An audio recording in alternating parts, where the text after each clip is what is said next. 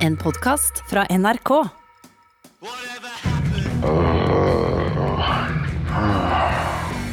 Ja. Klokken er ni over ni. Det er søndag. Mm, Og det går skikkelig dårlig. Skikkelig dårlig. Det er søndagsmorgen. Jeg var ute på byen i går, men hva skjedde egentlig? Jeg husker at jeg drakk masse. Øl og vin og shots og en drøss med GT-er. Men hva er alkohol egentlig? Og hva gjør alkohol med kroppen vår? Det mener jeg burde være pensum.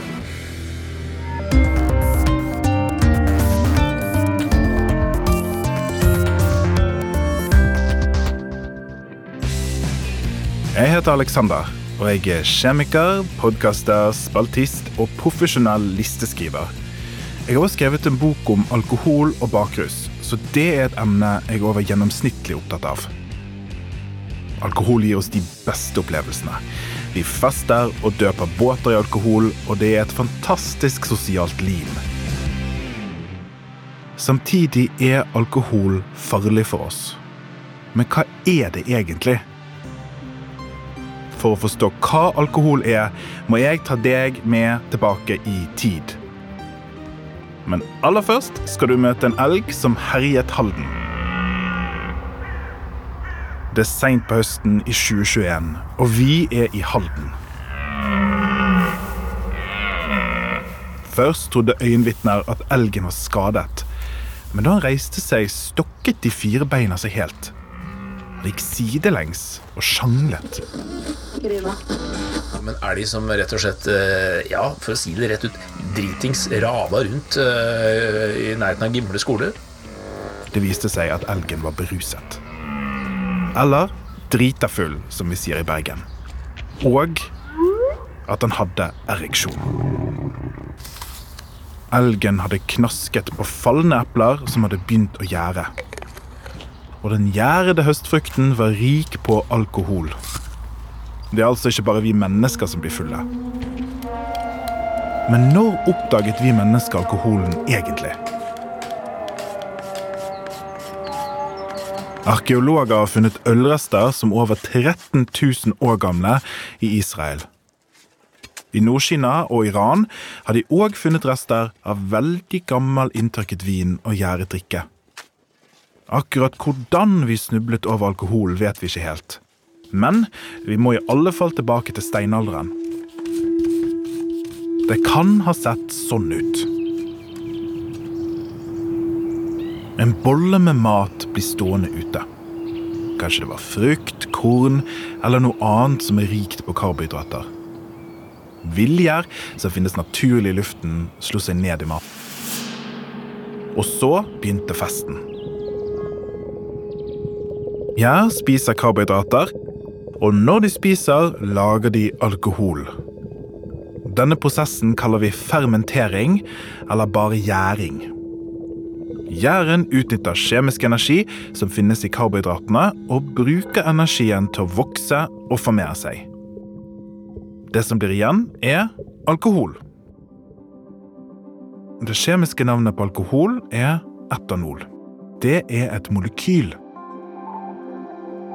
Et etanolmolekyl består av to karbonatomer, seks hydrogenatomer og ett oksygenatom. Dette er en fantastisk kombinasjon som klarer å lure hjernen din. Mer om det seinere. Nå skal vi tilbake til steinalderen. Bollen med deilig muggen og gjæret mat har stått ute en god stund. Så kommer en person forbi. For første gang fikk et menneske den berusende og besnærende eimen av alkohol. Så, kanskje mot sin bedre viten, tok denne personen en smaksprøve. Og resten er historie.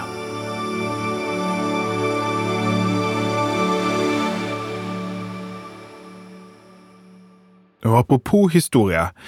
Du skal kanskje at jeg startet episoden med å fortelle deg om da jeg våknet opp søndagsmorgen med tidenes fylleangst. Og det hele startet fredag etter jobb på Vinmonopolet. Her på Vinmonopolet står drikkevarer på rad og rekke. Ifølge Folkehelseinstituttet drikker vi nordmenn rett under syv liter ren alkohol i året. Undersøkelser viser òg at vi i Norge foretrekker å drikke hjemme eller hjemme hos andre, ikke ute på byen. Menn drikker seg hyppigere beruset enn kvinner, og studenter drikker seg oftest beruset. Og vi drikker absolutt mest på lørdager.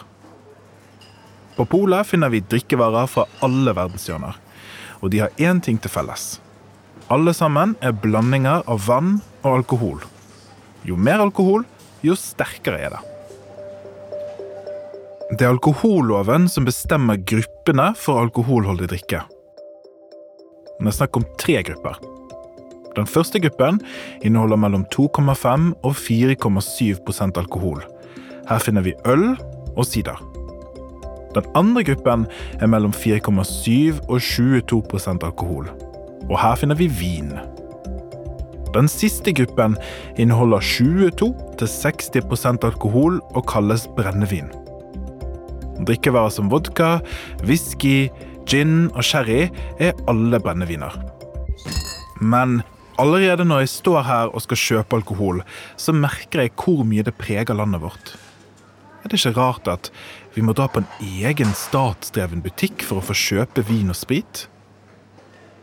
I de fleste vestlige land er det jo bare å gå på dagligvarebutikken. Er alkohol så farlig at det må være vanskelig å få tak i?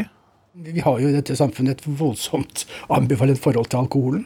Altså Det er jo kjempegøy, men det er livsfarlig. Så hva, hva, gjør man da? Og det samme med alle andre ulovlige rusmidler også. De må reguleres. Dette er Runa Døving, sosialantropolog med spisskompetanse på forbrukeratferd. Så Vinmonopolet er en måte å gjøre det på, altså at man begrenser tilgang og man har høye pris. Så pris og tilgjengelighet er de to beste måtene å regulere eh, forbruket på. Rett og slett for å få ned forbruket. Hallo, kom opp femte etasje. Om ikke så lenge kommer gjestene. I dag er nemlig lørdag, og jeg skal på fest etterpå. Og du skal få være med. Men først må jo jeg fortelle deg hva alkohol egentlig er. Det kan brukes til mange ting. Vi husker godt håndspriten, som vi brukte i store mengder under pandemien. Etanol er nemlig desinfiserende og dreper sopp, bakterier og mange virus. Etanol er også et løsemiddel og kan brukes som drivstoff og råstoff i industrien. Men det vi kjenner etanol best som, som russtoff.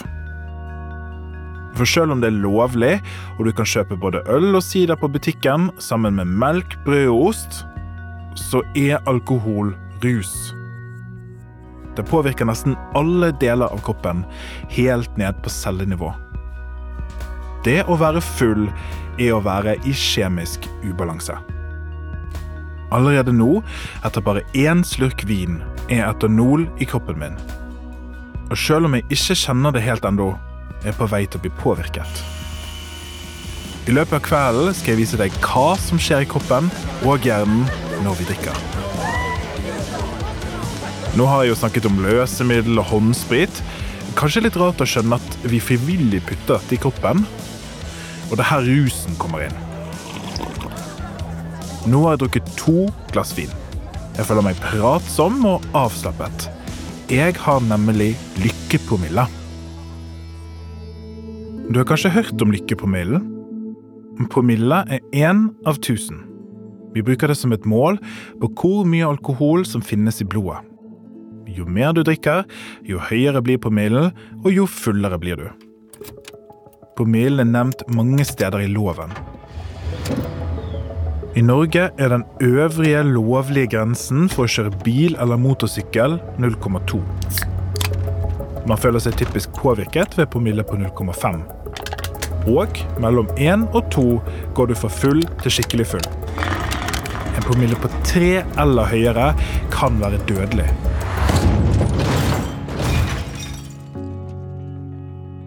Hvor raskt promillen stiger, er avhengig av kroppsvekt, hva du drikker og hvor fort du drikker.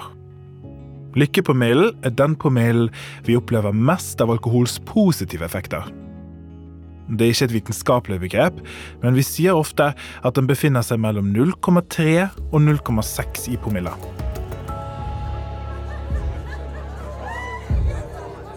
Hvordan får jeg disse lykkefølelsene? La oss ta en tur inn i kroppen. Alkoholen renner ned i magesekken og ender til slutt opp i blodet. Blodet er kroppens motorvei og tar med seg alkoholen til hjernen. Her ser du hjernen min foran deg. Valnøttformet og bleik ligger han der, beskyttet av den tykke hodeskallen og spesielle hinner og membraner. Hjernen bruker kjemiske stoffer for å fungere. De kalles signalstoffer. Det er stoffer som du kanskje har hørt om før. Dopamin, eksempel, som er knyttet til lyst og belønning, behag og tilfredshet. Eller et stoff som heter GABA. Det er avslappende og roer ned nervesignaler. Når etanol kommer fra blodet og opp til hjernen, blir den ørfine balansen av signalstoffene rotet med. Dopaminnivået stiger i hjernen når du drikker, så den første drinken eller to gir deg et rush av velvære. Så er du GABA. Etter nå lurer hjernen til å tro at det er GABA der som gir deg en angsthemmende, beroligende og avslappende effekt. Med andre ord lykkepromille. Fest er gøy. Hvem vil ha tyrkershots? Selv om det er et godt råd å holde seg ved lykkepromillen, er det vanskelig å stoppe. Når jeg har det gøy, så vil jeg gjerne ha det enda gøyere. Dopaminrushet i hjernen lurer meg. Promillen min nærmer seg én. Det er ikke det at jeg sjangler, men jeg er litt ustø, litt ukoordinert, og jeg har dårlig dybdesyn, og refleksene mine er nedsatt. Og nå er det en annen ting som begynner å skje. Personligheten min endrer seg. Nå skal vi drikke lek! På fagspråket sier vi at alkohol påvirker våre kognitive funksjoner. Altså å tenke, snakke, huske eller å løse problemer. Forskere har sett at fremre pannelapp hemmes når vi drikker. Denne pannelappen er viktig for viljestyrte handlinger og ikke minst impulskontroll. Konsekvensene kjenner du godt. Du mister hemningene dine, du blir mindre kritisk og dårligere på å forutsi konsekvenser for handlingene dine. Dette er dårlig nytt. Jeg har klamydia. Ja, der kan du se. Uff. Dette kommer jeg til å angre på i morgen. Hvis jeg husker det, da. Dette er venninnen min, Henriette. Jeg var ganske så drita en eh, lørdag, sånn rundt stengetid i Oslo sentrum. Og så går jeg forbi en fyr som ligger og sover og er også veldig full på en benk. Og så tenkte jeg at eh, han trenger sikkert å reddes. Så jeg tok han med hjem i en taxi og la han på sofaen min. Han var jo veldig full, men uh, altså, han hadde jo sikkert noen kompiser i nærheten, eller Jeg sjekka jo ikke mobilen hans og prøvde ikke å finne ut hvor han hørte til. Så jeg kidnappa han jo egentlig. Ja, forskning viser nettopp at alkohol gjør oss mer selvsikre. Vi blir dårligere på å vurdere risiko, og vi blir mye mer impulsive. I dag vet vi at store deler av hjernen din hemmes eller påvirkes når du drikker. F.eks. hippocampus, som er en viktig del av minnedannelse. Der har du litt av forklaringen til blackouts, når du rett og slett ikke husker deler av kvelden. Deler av lillehjernen, som er viktig for å koordinere bevegelsene dine, påvirkes. Der har du snubling og klossethet. Siden det er krise i hjernen, er det kanskje ikke så rart at alkohol òg endrer måten du ser verden på. Og det kan være fantastisk, men òg ekstremt angstfylt dagen etter. Jeg snakker om ølbriller. Du skremte meg men jeg var tørst. Så drakk jeg deg pen som prinsesse. sier Erik og Chris. Den sangen der har eldes som melk. Men ølbrillene de synger om, er faktisk vitenskapelig bevist. I kontrollerte studier der deltakere må gi poengsum til bilder av fremmede mennesker, gir folk som har drukket litt høyere poengsummer enn de som er edru. Sagt med enkle ord. Alkohol gjør at vi synes andre mennesker er mer tiltrekkende. Så finnes det en annen effekt òg. Tenk deg at du ser på to passfotobilder av en mann med briller og lite hår. Bildene er nesten helt identiske, men på bilde én har mannen drukket. På bilde to er mannen klink edru. I en studie skulle nå edru deltakere peke på det mest attraktive bildet, og resultatet overrasket. Bildet av personen som hadde drukket, ble vurdert som mer attraktivt enn bildet av akkurat samme person helt edru. Moralen er at alle blir mer attraktive når du drikker, inkludert den som drikker, tydeligvis. Hvorfor det? Vi er tilbake i hjernen. Deler av hjernen som gjør kritiske vurderinger i bl.a. fremre pannelapp, blir hemmet av alkohol. Nå er du tilbake på fest. OK, vi har fått naboklage, så da må vi ut. Klokken nærmer seg to på natten. Midt på dansegulvet lever jeg mine beste dager. Jeg er full og har så høy promille at jeg snøvler når jeg snakker. Nå vil kroppen bare ha én ting. Mat. Feit mat. Det ender der det ofte ender, på Burger King. Hvorfor skriker kroppen etter feit mat da kroppen er dynket i alkohol? Vitenskapen forteller oss at det å spise nattmat er lurt. Maten havner i magen. Der brytes den ned, som gjør at alkohol tas opp langsommere. Det er nemlig sånn at promillen din henger sammen med hvor bakfull du blir. Jo fullere du blir, jo høyere promille, og jo verre blir dagen derpå. Mat i magen bremser opptak av alkohol, og promillen stiger langsommere.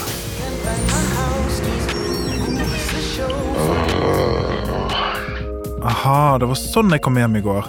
Jeg tok nattbussen. Den stakkars hjernen min er i ferd med å skru seg av. Promillen min når 1,5. Det er makspromille for kvelden. Flaks at jeg fant veien hjem, egentlig. Og uten særlige skader. Jeg kollapser på sengen med skjorten halvveis avkledd og buksen på anklene. Festen er over. Nå har jeg vist deg hvordan alkohol påvirker kroppen. Du har sikkert erfart det sjøl òg. Men ett spørsmål står igjen. Alt det alkohol gjør med kroppen din, er det farlig? Mann i 40-åra er dømt til fengsel i 30 dager etter å ha krasja en lastebil mens han hadde ei promille på 2,81. Da var det en eh, full mann som eh, gikk i eh, veibanen, og han hindret bl.a. trikken. Når vi tar kontakt med mannen, så får vi også kontakt med et vitne som forteller at han har lottet seg, og han fremsto som god og full. Han var beruset og aggressiv når politiet kom til stedet, og måtte innbringes til drukkenskapsarrest. Ja, forskningen er nemlig tydelig. Alkohol er ikke bra for oss. Det er en gift, og det finnes ingen grad av drikking som er trygg, bare grader av risiko.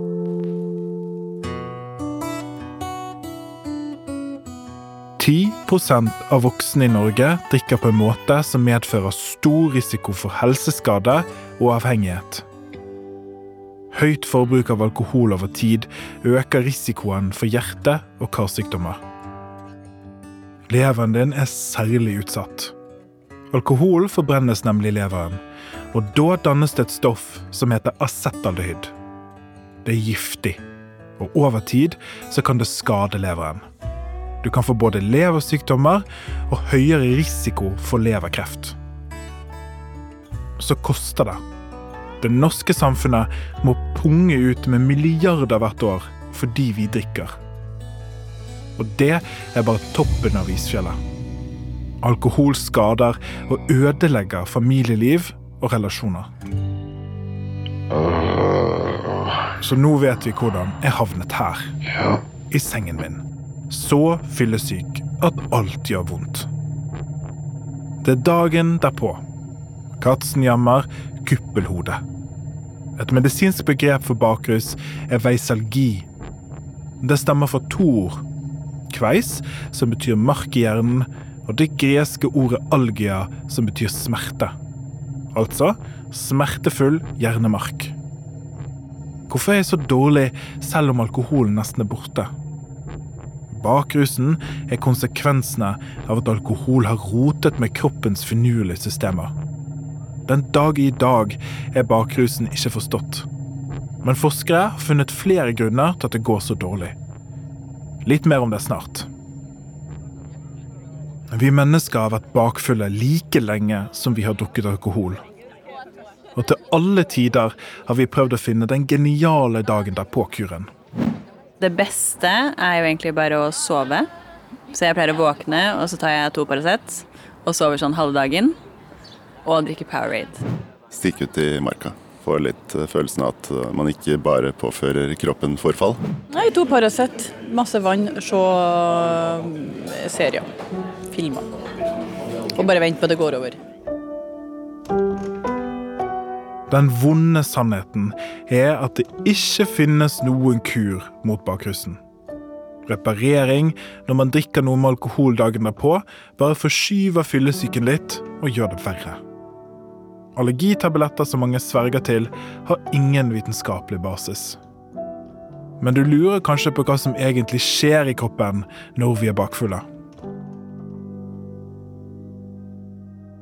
En viktig del av bakrusen er stoffet acetaldehyd. Du husker kanskje at alkohol brytes ned i leveren.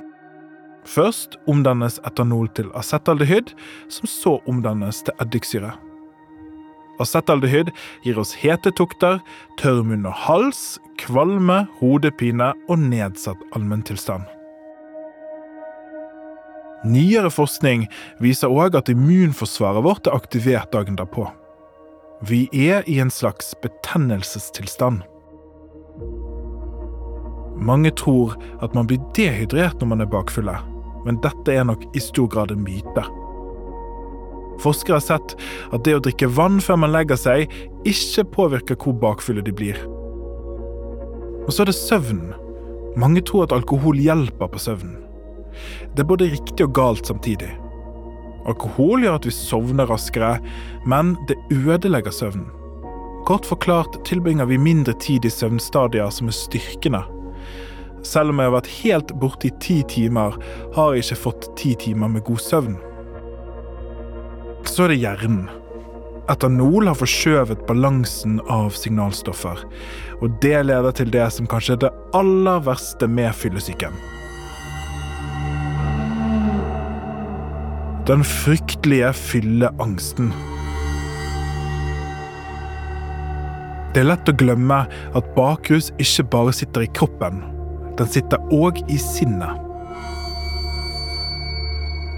Forskere forstår ennå ikke helt hvordan det skjer, men vi tror at det har med hjernekjemien din å gjøre. Du er rett og slett ikke i balanse. Det finnes mange måter å ha fylleangst på. Hvorfor gjorde det her? Det er jo min egen skyld. Jeg får angst fordi den delen av hjernen min som er kritisk og risikovurderende, er satt på igjen. Den var avskrudd da jeg lastet opp dette.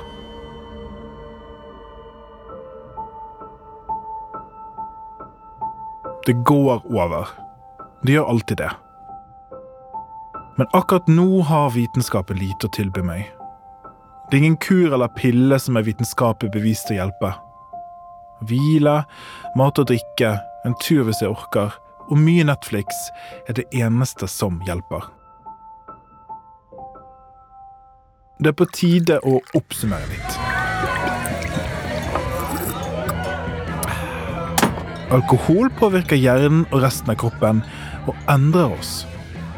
Når vi er fulle, er vi ikke oss sjøl. Eller vi er ekstreme versjoner av oss sjøl, litt avhengig av hvem du spør. At alkohol er farlig, er det ingen tvil om. Vi skader oss sjøl og andre. De som drikker mer, har høyere risiko for alvorlige sykdommer og lidelser som høyt blodtrykk, hjerneslag, flere former for kreft og leversykdommer. Barn, venner og slektninger av alkoholikere, og alkoholikerne sjøl, kan gi vonde historier om akkurat hvor ødeleggende alkohol er for relasjoner og for livet.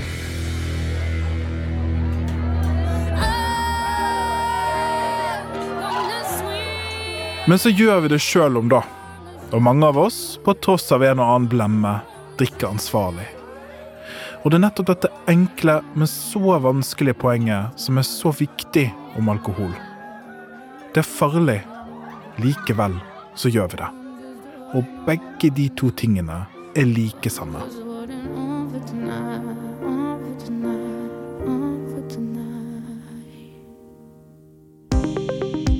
Jeg heter Alexander Santov, er kjemiker, og jeg vil at du skal huske disse tre tingene fra denne episoden. 1. Alkohol er et russtoff som vi mennesker har brukt i tusenvis av år. 2. Alkohol er farlig, og det påvirker hele kroppen vår, og spesielt hjernen. 3. Du blir bakfull fordi kroppen er i ubalanse.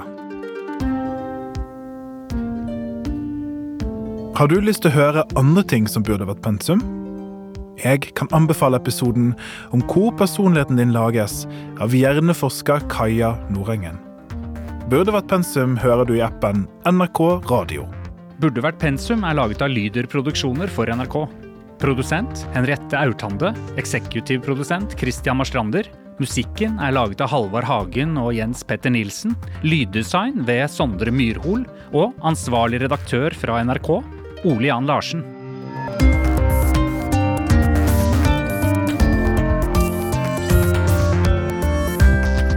En podkast fra NRK. Hei, det er meg. Are Sendosen. Han som er så opptatt av de gamle norske kongene, vet du. Nå har jeg mange nye episoder om dem i podkasten Kongerekka. Det er blitt middelalder, men fortsatt er det flust av intriger, sex, brodermord, slag og riddere. Det er jo vår Game of Thrones, det her. Fra virkeligheten. Bare at det ikke er fullt så mange drager. Hør podkasten Kongerekka i appen NRK Radio. Hvis jeg ikke får bli kung, så er det greit for meg. Det er greit for meg, sier jeg. Har ikke noe problem med at jeg ikke får bli kung. Jeg bryr meg ikke, OK?